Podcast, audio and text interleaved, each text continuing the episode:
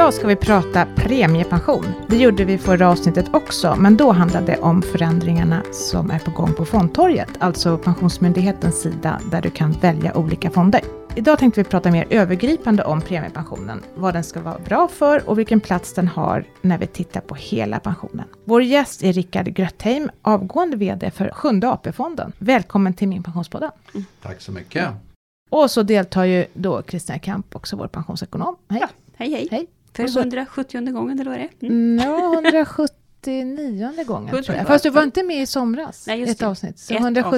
Avsnitt, ja. Ja, ja. Och så hör ni mig, Marie Ekland också. Du, Rika, det känns ju faktiskt som att alltså, vi har ju stött på varandra genom åren några gånger. Vi börjar bli lite gamla i gamet och det känns faktiskt som att du har varit med från Sjunde AP-fondens födelse. Är det så eller minns jag fel?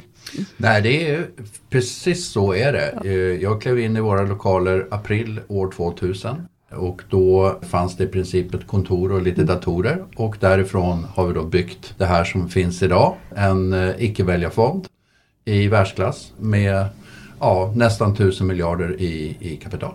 Vad fick du söka jobbet? Ja, alltså det var ju Peter Norman som var VD på den mm. tiden och eh, han ringde upp mig och frågade om jag var intresserad av att bli vice VD för det här och det var ju väldigt löst i kanterna vad det skulle bli och så. Och jag kände det här, det här kan man ju bara inte missa. Vad, hade du, vad, vad har du för bakgrund? Ja, alltså jag är ju civilekonom med, eh, med nationalekonomisk inriktning från Stockholms universitet och sen har jag varit eh, på både privat och offentlig sida i finansbranschen. Mycket på Riksbanken men också på, jag satt upp en fondkommissionär i, på 80-talet. Så jag har liksom ja, rätt bred erfarenhet eh, av finansbranschen mm. kan man säga. Mm. Det lät som du var lite klippt och skuren där. Mm. Mm. Ja, Peter tyckte väl ja. ja, och sen blev du kvar. Uppenbarligen är det så, 22 år senare. Ja. Mm. Ja, vilken är historien bakom premiepensionen? Är det bra eller är det inte bra? Och varför kom den till? Varför kom den till? Vad var liksom bakgrunden? Alltså det finns ju, eh, jag skulle säga det finns två huvudbudskap eh, bakom det här. Det ena är ju den politiska delen där vi då hade haft eh, på 50-talet en eh, så att säga, kamp mellan eh, Liberalerna eh, på den tiden som var eh, jättestora och Socialdemokraterna om det skulle vara fonderat eller pay as you go, det vill säga att de som jobbar betalar för de som är pensionärer. Där då Liberalerna ville ha ett fonderat system. Men de förlorade ju då och så fick man ATP-systemet eh, och sen kraschade ju svensk ekonomi och bland annat så såg man att pensionssystemet behöver rättas till och då blev det en politisk kompromiss helt enkelt att vi har båda. Och jag skulle vilja säga att det är ju världsklass. Sverige är, ett föredöme och nu tittar ju alla länder på Sverige och andra som har gjort likadant. Det andra var ju då tjänstemännen som byggde upp det här rent rationellt ekonomiskt. Och då kan man ju säga att den här delen som en pay as go, som man säger, det vill säga att man betalar Generationskontraktet ja, kan man säga. Precis. Ja, mm. Det är ju, är också har ju en, en broms och alltihop sådär. Så, och det är ju en tjänstemannakonstruktion som har gjort att det är hållbart så att säga, som inte ATP-systemet. Pratar vi inkomstpension? Ja, inkomstpension. Mm. Mm. Premiepensionen är ju ett sätt att eh, få den statliga pensionsspararen får del av aktieriskpremien skulle jag vilja säga. Det vill säga eh, aktier kommer på lång sikt gå bättre än räntor. Har det varit lönsamt?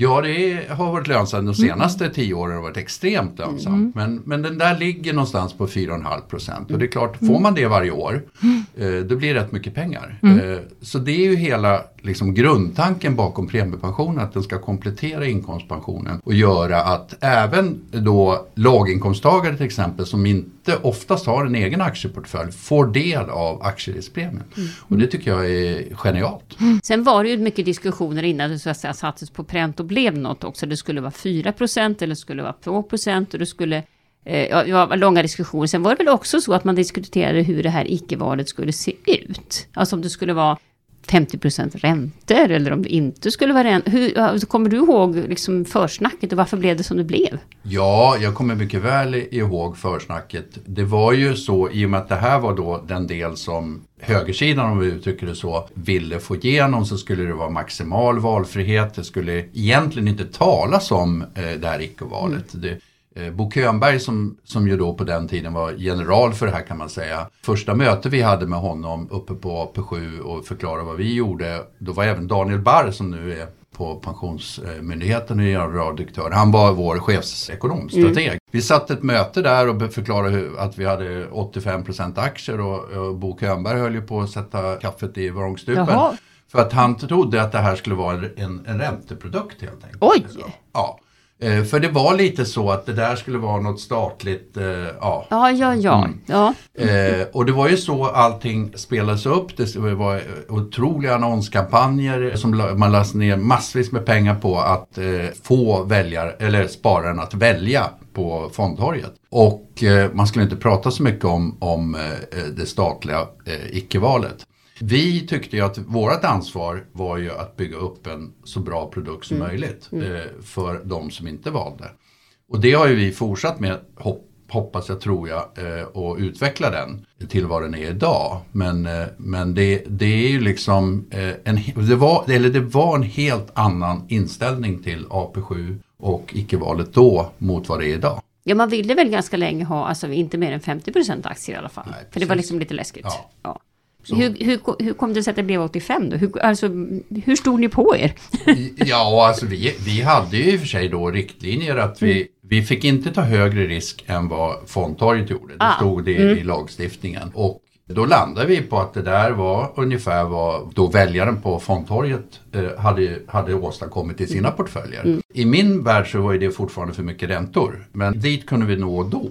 Eh, Sen ändrade man lagstiftningen 2009 så vi fick möjlighet att göra det vi gör idag. Men då, då var 85 procent det som man, ja, man, när man räknar på det som, som blev det effektiva. Och då fick alla samma, samma fond också. Ja. Eh, men ska vi försöka förklara hur, hur AP7 ser ut idag då? Ja. Bara snabb. Det finns väl aktiefond Ja. idag också som heter AP7? Gör det inte det? Ja, alltså idag har vi då vad vi kallar en livscykelprodukt, det vill säga att den är anpassad efter hur gammal man är. Eh, och då är det ju så. Är det förvalsalternativet du pratar om? nu? Ja, precis. Sofa. Kan Mm, vi så fan. Ja, Soffan. Soffan.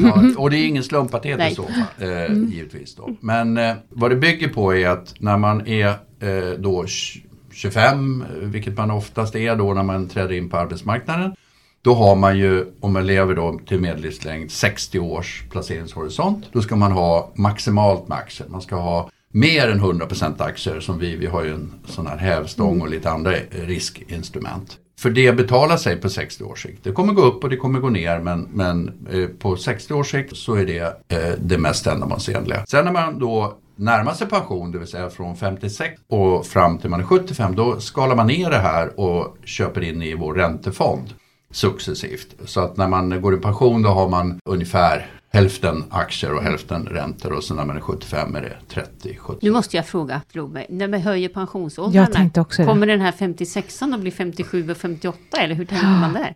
Alltså vi håller ju på att titta över det där om, om, det, om man ska göra någon förändring i det där. Det där som ni förstår är ju inte eh, matematiskt på Nej. sista decimalen. Så att eh, det där kommer inte göra så mycket. Men, men eh, vi, vi kommer kolla över det framåt och, om, om man ska förändra det. Men nu är den här elefanten i rummet frågan då, ska vi verkligen spekulera med pensionspengar på det här viset? Den, den här frågan kommer ju hela tiden tillbaka och kanske inte minst nu när börsen inte går jättebra. Eh, vad brukar du svara? Nej men då, då svarar jag eh, just att om man, om man försöker grunda det här i vetenskap och det, och det, det är det vi har försökt göra med, med, med våran fond. Att vi, vi går tillbaks till, till fin- finansteori och, då finns det en aktieriskpremie och det är klart att den finns för att man just tar risk och får betalt för det. Och då brukar jag säga så här, marknadsekonomin skulle kollapsa om det, den inte fanns. För att om det arbetande kapitalet inte var bättre betalt än det på bankboken. Då skulle alla sätta pengarna på bankboken för där vet man att pengarna är kvar och alla skulle vara nöjda och glada men då skulle ju ingen satsa i, i företagen. Så att det, det, det finns liksom en god grund för att den där finns. Spekulationsargumentet kommer ju in för att, ja som nu, nu faller börsen 30-35 procent. Och då säger alla, ja men det där är jättefarligt. Jo men det är det som är risk. Eh, och om man håller det här under då 40, 50, 60 år, då står man ut med det. Och det har ju liksom våran produkt visat. Den eh, är då från 2010 till 2012. Vi har ju en avkastning på ja, 12 procent per år något sånt där. Eh, nu går det ner lite grann, eh, men det är helt enligt plan. För att är man i räntor då går det ner mindre, vilket det också gör nu när räntorna höjs. Men om man tittar på digniteten på den där, det är klart att aktier går ner mer men det går också upp mer. Spekulation? Nej, det är inte spekulation. Det här är eh, grundat i finansteori så att säga. Och eh, lite grundat i varför fungerar en marknadsekonomi. Jag tycker ibland att det, är lite dåligt att man inte lyfter mera Alltså skillnaden på avkastningen just i premiepensionen kontra det man faktiskt får i inkomstpensionen. Mm. För det är ju ändå även nu ganska stor skillnad på värdeutveckling per år. Det är jättestor skillnad och har varit som sagt de senaste då 20 åren om man tittar på snittet. Talar väl om att våran fond har gått ungefär 11% per år och eh, då inkomstpensionen 2, 3. Mm. Vi har faktiskt som mål att vi ska ge spararen minst 2% per år bättre. Mm. Eh, och gör du det år efter år efter år, ja då kommer den där eh, delen av din pension växa rätt rejält.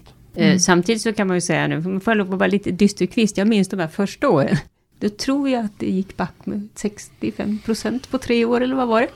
ja, det har ju varit ett antal sådana rätt jobbiga perioder mm. för oss. Jag, när jag var nytillträdd VD, jag tog över efter Peter Norman 2010. 2011 hade vi Europakrisen mm. och då hade vi precis infört vår nya produkt som hade mer eh, risk. Och det gick ner då 25 procent tror jag eller något sånt där. Och det var många som var på oss och undrade vad vi höll på med.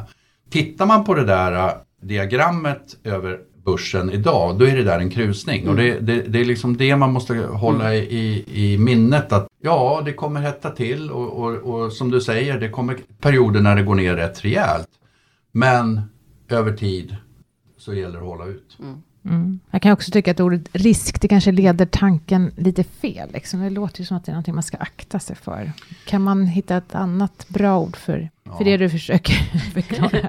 ja, men det, det, du har ju helt rätt. För jag menar risk i vardagliga livet, det är ju någonting eh, som mm. man inte vill ta eh, alla gånger. Ibland vill man ju ta den. Ja, men det är ju precis som, ja, när man träffar sin partner tar man ju en mm. risk eh, att det inte blir bra. Ja, ja, liksom. ja. Så att, eh, all, man tar ju risker i livet hela tiden. Fast risk för halka, det brukar aldrig vara bra. Nej, det är inte bra. Nej, precis. Nej, så det finns risker som man inte ska råka mm. ut för. Så att, ja, nej, men eh, jag har inte kommit på något bra nej. annat nej. ord. För att det här, det här är ju liksom, det här är ju förknippat med något riktigt bra på andra sidan. Mm, mm. Det är ju inte halkrisken direkt. Sen är det väl så att nu vet vi ju inte riktigt, jag tänker på de som närmar sig pensionsåldern nu och som ju ändå har byggt upp ett kapital i premiepensionen. Hur tycker du att man ska tänka där? Ska man liksom då tycka att jag ska ändå ta lite risk fortsatt eller ska jag liksom försöka att samla allting i räntefonder eller liksom om du förstår vad jag menar. Ja. Om nu börsen går ner tre år 65 procent mm. då blir det ju inte så mycket pengar kvar och jag ska inte leva jättelänge. Nej. Det där, vi, vi, vi har ju fått lite kritik då för att vi har 50 procent aktier när man är, går i pension vid mm. 65 års ålder. Just av det där skälet. Men då är det ju faktiskt så att om man tittar på den genomsnittliga kvinnan lever ju nästan till 85 idag, eh, mannen till typ 82-83 i genomsnitt. Och det är klart, det där är ju en teoretisk siffra för att man kan ju dö imorgon. Mm. Men, men man måste ju ändå, liksom de flesta kommer ändå ha den sparhorisonten. Mm. Och 20 år eh, är rätt lång tid. Så att eh, svar på din mm. fråga, man ska bära en hel del risk för att det, det, det kommer du få betalt för i, i ditt pensionskuvert. Mm. Och det är fortfarande så att de som går i pension nu har ju inte sparat Alltså de har ju inte sparat i premiepension hela sitt arbetsliv. Nej. Utan kanske halva. Så att det är inte relativt sett jättemycket pengar faktiskt. Nej, precis. Det kan ju vara en tröst för den som möjligen är orolig i dessa tider. Exakt. Jag. Ja. Mm. Det finns ju också diskussioner om att om man ökar avgiften nu till den allmänna pensionen, att man skulle lägga mer i premiepensionen. Hur ser du på det? Ja, alltså jag är ju väldigt pro premiepension eh, mm. som vi har hört. Så jag tycker nog att, att man skulle lägga den yttre andelen där. Med mina resonemang runt att man får betalt för att vara i aktier och så vidare så vore det nog bättre eh, tror jag att lägga det där för det skulle bli bättre pension. Mm. Eh, på sikt. På sikt. Mm. Och det, men det där är ju då det blir ju då en politisk kamp mm. givetvis. Varför finns den politiska kampen? Jag har på riktigt undrat det. Mm. ja, den är eh, inte rationell kan jag säga. Men, mm. men eh, man har ju, nu när man har släppt lös pensionsdebatten som mm. man har gjort de senaste, ja framförallt senaste året och ja. den här valrörelsen. Då märker man ju att, att eh, den sidan som, som så att säga då vill höja garantipension Mm. och sådana saker. De, de vill ju att, att det ska vara lite som man hade på ATP-systemet. Mm. ATP-systemet kollapsade just därför att man inte hade några gränser för vad den statliga plånboken så Skulle säga, leverera. skulle leverera. Nej, nej. Och jag tror att det är där den politiska kampen finns. Ja, okej. Eh, Och det är så pensionsgruppen liksom har, upp, eh, har varit upplagd att alla de fem partier som finns med i den, de ställer upp på att det, det finns en, en rationalitet bakom att ha både premiepension och inkomstpension. Medan då andra partier som inte är med i den nog inte riktigt ställer upp på den verklighetsbeskrivningen. Och, eh, och jag tror att alla skulle kunna vara med i en pensionsgrupp om alla ställde upp liksom på grundmodellen. Men det finns eh, en, tror jag, lite, ja men om vi går tillbaks till det här ATP, då blir allting bra. Men, men det Då kommer- har man givna förutsättningar, Ja, då vet man. ja. Ja, ja, ja. men det är Men, och, och, och lite grann tror jag också att ATP-systemet var ju politiskt styrt hur stor pension vi ska ha. Ja. Det är det ju inte idag på samma sätt. Utan det är ju då världsekonomin och svenska ekonomin Mm. som bestämmer hur bra pensionen ska vara. Och där tror jag att det finns en politisk skillnad. Det är sant. Det var en bra förklaring. Jag har, jag har verkligen grubblat över detta. ja. Fast nu tycker jag i och för sig, ja nu händer ju så mycket i politiken. Dels vet vi faktiskt inte vad som händer med pensionsgruppen. Det, det är ju lite löst. Idag kan vi säga, det vet vi inte om det är när vi släpper det. Men idag så är det Ja. Ja. slutet av september Ja. och då är det fortfarande ovisst. Fortsättning Mm, följer, säger vi på detta. Men, men ser du någon oro? Det pratades ju ganska många år om att premiepensionen skulle tas bort. Mm. Alltså, det här ska vi inte ha. Eh, LO drev väl frågan ganska hårt. Eh, känner du, ibland har jag en känsla att den där frågan inte finns kvar längre, eller, eller finns den det? Nej, jag tror inte den i realiteten finns Nej, kvar. nej. Eh, och, och det beror ju på att sanningen har visat att man levererar. Mm. Nu har vi snart 25 år med det här systemet och alla ser att ja, nej men premiepensionen levererar ju. Ja. Jag tänker på hållbarhet, det är någonting som vi har pratat om här på Min Pension en hel del faktiskt nu under, under våren som har gått. Eh, hur ser ni på hållbarhet? Är det svårt att, att mäta hållbarhet på AP7-soffan? Hur tänker du? Hur tänker ni? Ja, vi tänker mycket. Mm. Jag kan säga att eh, hållbarhet är ju nu ett rätt vitt begrepp och eh, på, på, i en dimension. Eh, I den andra dimensionen så är det väldigt mycket hållbarhet är lika med klimat. Och det kan jag irritera mig lite på Mm, för hållbarhet är så mycket annat. Jag var faktiskt förra veckan på eh, Climate Week eh, och FN-veckan i New York och talade på en del paneler. Och där pratade vi om SDG-erna, det vill säga hållbarhetsmålen, de 17 som FN har. Och det är ju de faktiskt som är eh, viktiga. Men som svar på frågan, hur tänker vi runt det här? Ja, för det första har vi satsat enorma resurser på det här. Eh, det är där vi har växt mest. Vi är idag fyra personer, eller tre och en halv person ska jag säga, som jobbar med hållbarhet. Vi var en person för, för typ 6-7 år sedan. Så att det här är jätteviktigt. Vi tror att våra sparare vill att vi ska eh, jobba aktivt med hållbarhet. Vi är så stora, tycker vi, så att vi kan vara aktiva ägare. Det vill säga att vi kan använda vår ägarmakt för att påverka bolagen i rätt riktning. Om ett bolag beter sig illa så kan vi med olika verktyg gå in och se till att det bolaget hamnar på rätt kurs. Och där så har vi givetvis att vi i slutändan kan vi utesluta ett bolag och svartlistar och säga att eh, nu får ni skärpa till er för att gör ni det då kan ni komma tillbaks. Och det har ju hänt ett antal gånger. Men sen har vi en aktiv ägardialog. Vi, vi skriver brev till företagen och säger att här är det saker som inte riktigt eh, funkar. Vi röstar på bolagsstämmor, eh, lägger motioner. Vi kan till och med gå till domstol. Oftast är det i USA man använder det medlet. Och, och där har vi några lysande exempel. Till exempel Google gick vi till domstol för att de hade då så sexuella trakasserier gick, pågick i bolaget.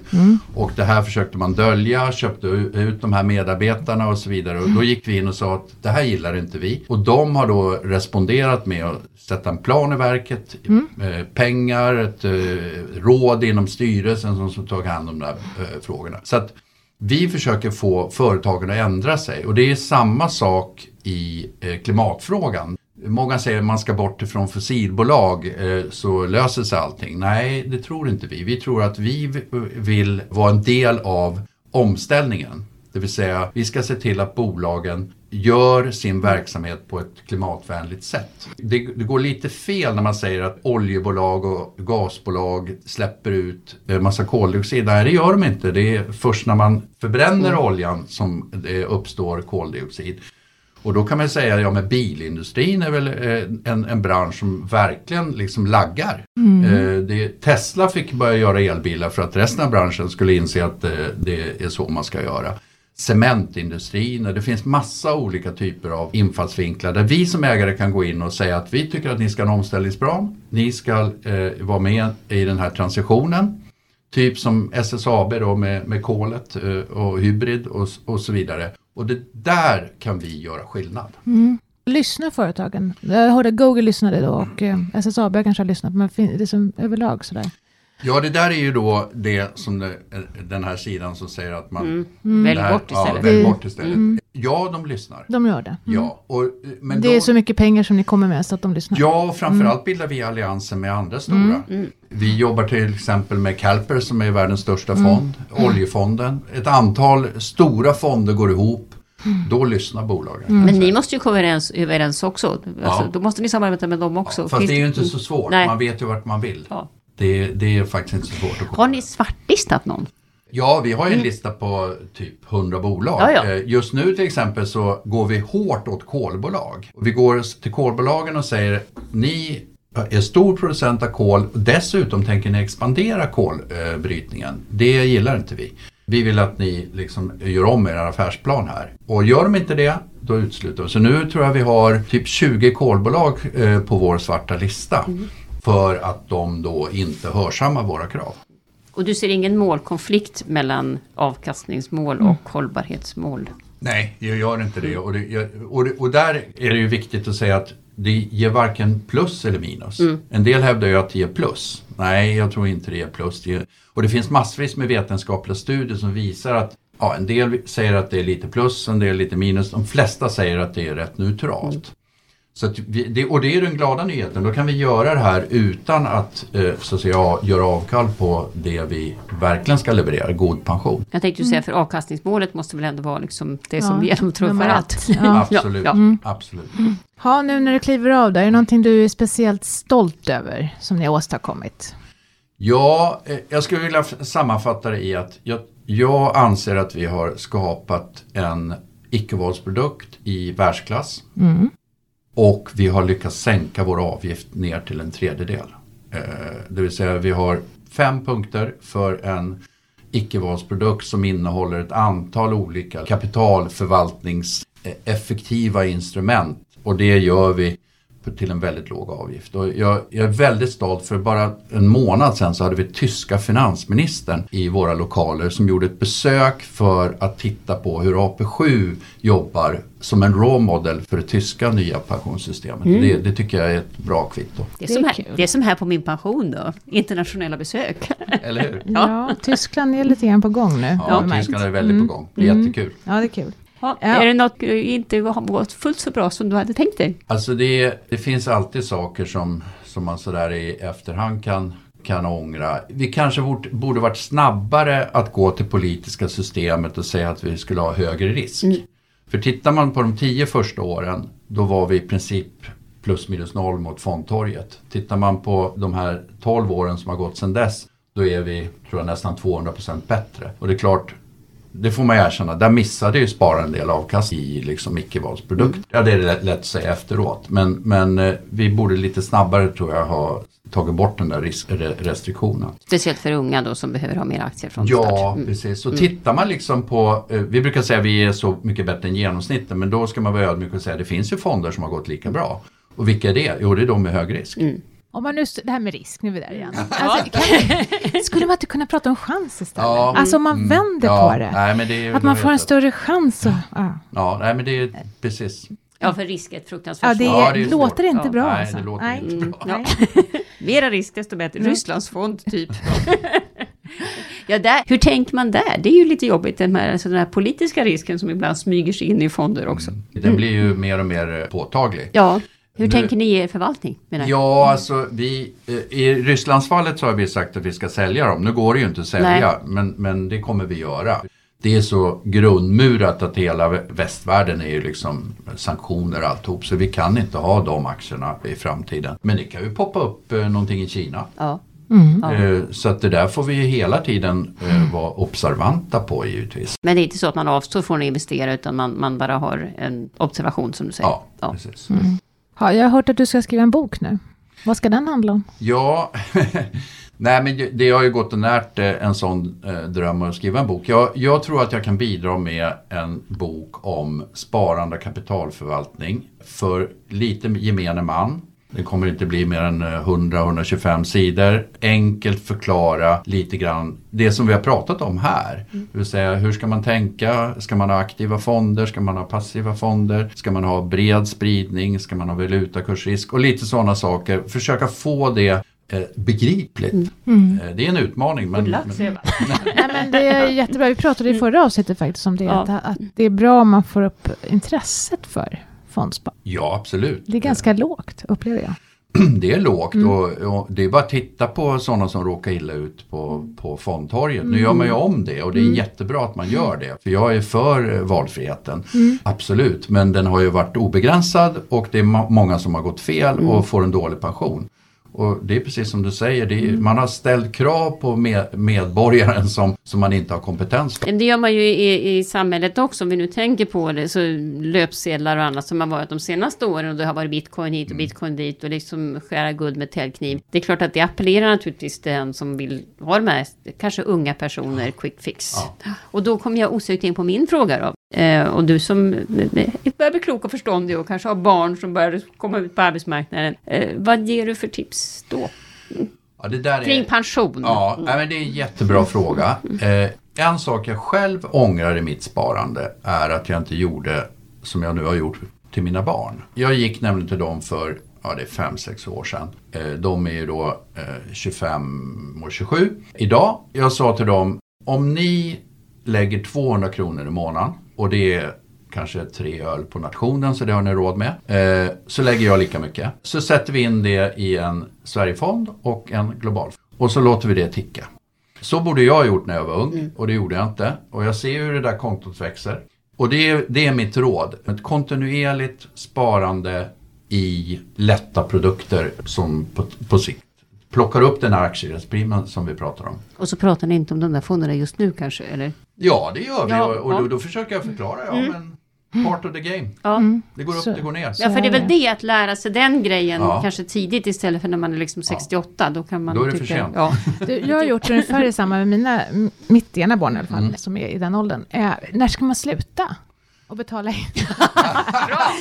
liksom när ska de stå på egna ben? Det är lätt att det här kommer pågå nu, tänker jag. Ja, men alltså det får man nog räkna med att, att det ska fortsätta länge. Först, Eh, förskott på arvet. Ja, är precis så eh, skulle jag vilja säga. Att så länge man själv har råd så kan man då fortsätta för det skapar ett incitament för dem. Möjligtvis kan man säga att Nej, men nu får ni sätta det dubbla. Mm. Ja, ja. Eh, Nu får ni börja betala Ja, mig. ja. Ja, när vänder det? ja precis. Det vänder. Precis. Ja, för då är vi nästa fråga. Om vi nu tar andra ändan då. Om man liksom börjar närma sig pensionsålder eller är pensionär rent av. Eh, har du några bra tips då? Hur ska jag tänka då kring det här? Och kring risk kanske framförallt. Ja, alltså man, man bör ju inte ta för lite risk ändå. Jag kan titta på, på min svärfar som gick bort förra sommaren. Han, han var 97 år då. Och så blev det då lite arvspengar och så frågade min fru vad ska vi göra med dem där? Och, och han hade aktiefonder fortfarande. Och det är klart, det, det var jättebra. Men då sa jag, nej men då, då bör nog sälja dem. Det, det kommer inte honom till del, men bara för att hans arv liksom skulle inte gå ner. Nej, och, jag och förstår. han var ändå Mm. 97. Men är man 65 då ska man, eh, och det hade ju han gjort då mycket riktigt, Mm. legat kvar i aktier. Så att eh, jag tror att man ska, man ska vara i den marknaden ändå men, men trappa ner sin närvaro så att säga. För vi har pratat om nu, med tanke på inflation och annat i någon, också en annan podd, om att eh, alltså, det är ju ändå så att pensioner faktiskt kan gå ner. De kan bli mindre värda av olika skäl. Alltså det är, mera, det är faktiskt mer svängigt att ha pension än att ha lön faktiskt. Så att det är därför jag tänker man kanske ska liksom tänka så också. Vad, vilken risk är jag beredd att ta? Absolut. Eh, vill man ha en stabilitet då ska man gå all in i räntor. Problemet med, med räntor har ju varit, nu kanske det går tillbaks till normalt, det är ju att den stora risken har ju varit i räntor. Mm. Och det ser vi ju nu. Jag är då ordförande i Cancerfondens placeringsråd Mm. eh, och där har vi då en 60-40 portfölj, 60 räntor. Och där, där har ju varit, den, det, det man har haft ont i magen för är ju ränteportföljen. Och den ser man ju, den har, gått ner, den har gått ner lika mycket som aktieportföljen. Oj. Ja, och då talar vi 6 procent. Ja. Det är inte mycket. Men, men, men, och varför har då aktieportföljen hållits? Jo, det är för att det är mycket utlandet och då har kronan försvagats. Mm. Ja. Så det finns massa komponenter i det här. Det ska bli kul att läsa din bok. Ja. Ja, jag känner- ser fram emot det. Eh, Är det någon fråga som du tycker att vi har missat att ställa? Ni har ställt alla eh, relevanta bra frågor. Nej, jag kommer inte på Nej. någonting. Nej. Nej. Då kör vi på det. Ja. Så får vi Får vi se hur- tacka för att Ja. du kom hit idag. Ja, men det var- Jätteintressant. Ja, det är kul och jag tror ibland att man måste så att säga, lyfta det här perspektivet. Varför, varför ser det ut som det gör? Det hoppas jag att vi har svarat på idag då. Ja, och äntligen så fick du som är premiepensionskramare en kompis här i studion. Ja, Ja, Yes. det kändes bra. Ja, Fantastiskt. Ja. Jag känner mig hemma. ja. Kristina också. Har vi kommit fram till dagens fråga då. Mm. Och den kommer från Ida som undrar om man kan spara extra till sin premiepension. Alltså som ett litet extra privat sparande sådär. Kan man sätta in pengar där? visst vore det bra. Men det kan man inte. Det kan Nej. man tyvärr inte. Nej. Eh, det var rätt roligt när vi hade tyska finansministern på besök så sa en av henne, eller hans då tjänstemän. Kan jag sätta in pengar i eran fond? Ja, jag har faktiskt varit med om att jag har ringt till mig också från andra länder. Det var någon ryska som upprört sa att jag vill absolut placera pengar i den här fonden. Varför ja. går inte Nej. det? Kanske Och det en tanke vi kan skicka till politikerna. Ja. Det har aldrig Ja. varit några tankar på det. Nej. Nej, det har Nej. det inte. Men eh, som sagt, det är många som vill att det ska Ja. vara så. Ja. Det är roligt. Ja, nu Bra har vi ju, betyg. ja, och alternativet är ju naturligtvis att, eh, alltså det finns ju inget öronmärkt pensionssparande, ska vi kanske tala om, eh, som det fanns förr då, det här avdragsgilla, det kan man bara göra som egenföretagare nu, eller om man inte har en tjänstepension. Det är väl hänvisas till liksom andra produkter, investeringssparkonto eller vanliga fonder eller vad sånt där. Det, det är ett sätt att man kan spara på. Ännu så länge. Mm. Men bra fråga. Ja. Och då var det allt för oss idag. Tack för att du har lyssnat på Min Pensionspodden. I avsnittet deltog Rickard Grötheim från AP7, Kristina Kamp och jag, Maria Eklund, ifrån Min Pension, som är en oberoende tjänst i samarbete mellan staten och pensionsbolagen. Och sen så är det också Min Pension som producerar Min Pensionspodden. Nya avsnitt släpper vi varannan fredag. Tidigare avsnitt hittar du i kanaler där poddar finns. Och har du frågor som du vill att vi tar upp här, ja då mejlar du till podd.minpension.se. Jag hoppas att vi snart hörs igen. Ha det bra och ta hand om din pension till dess. Hej då!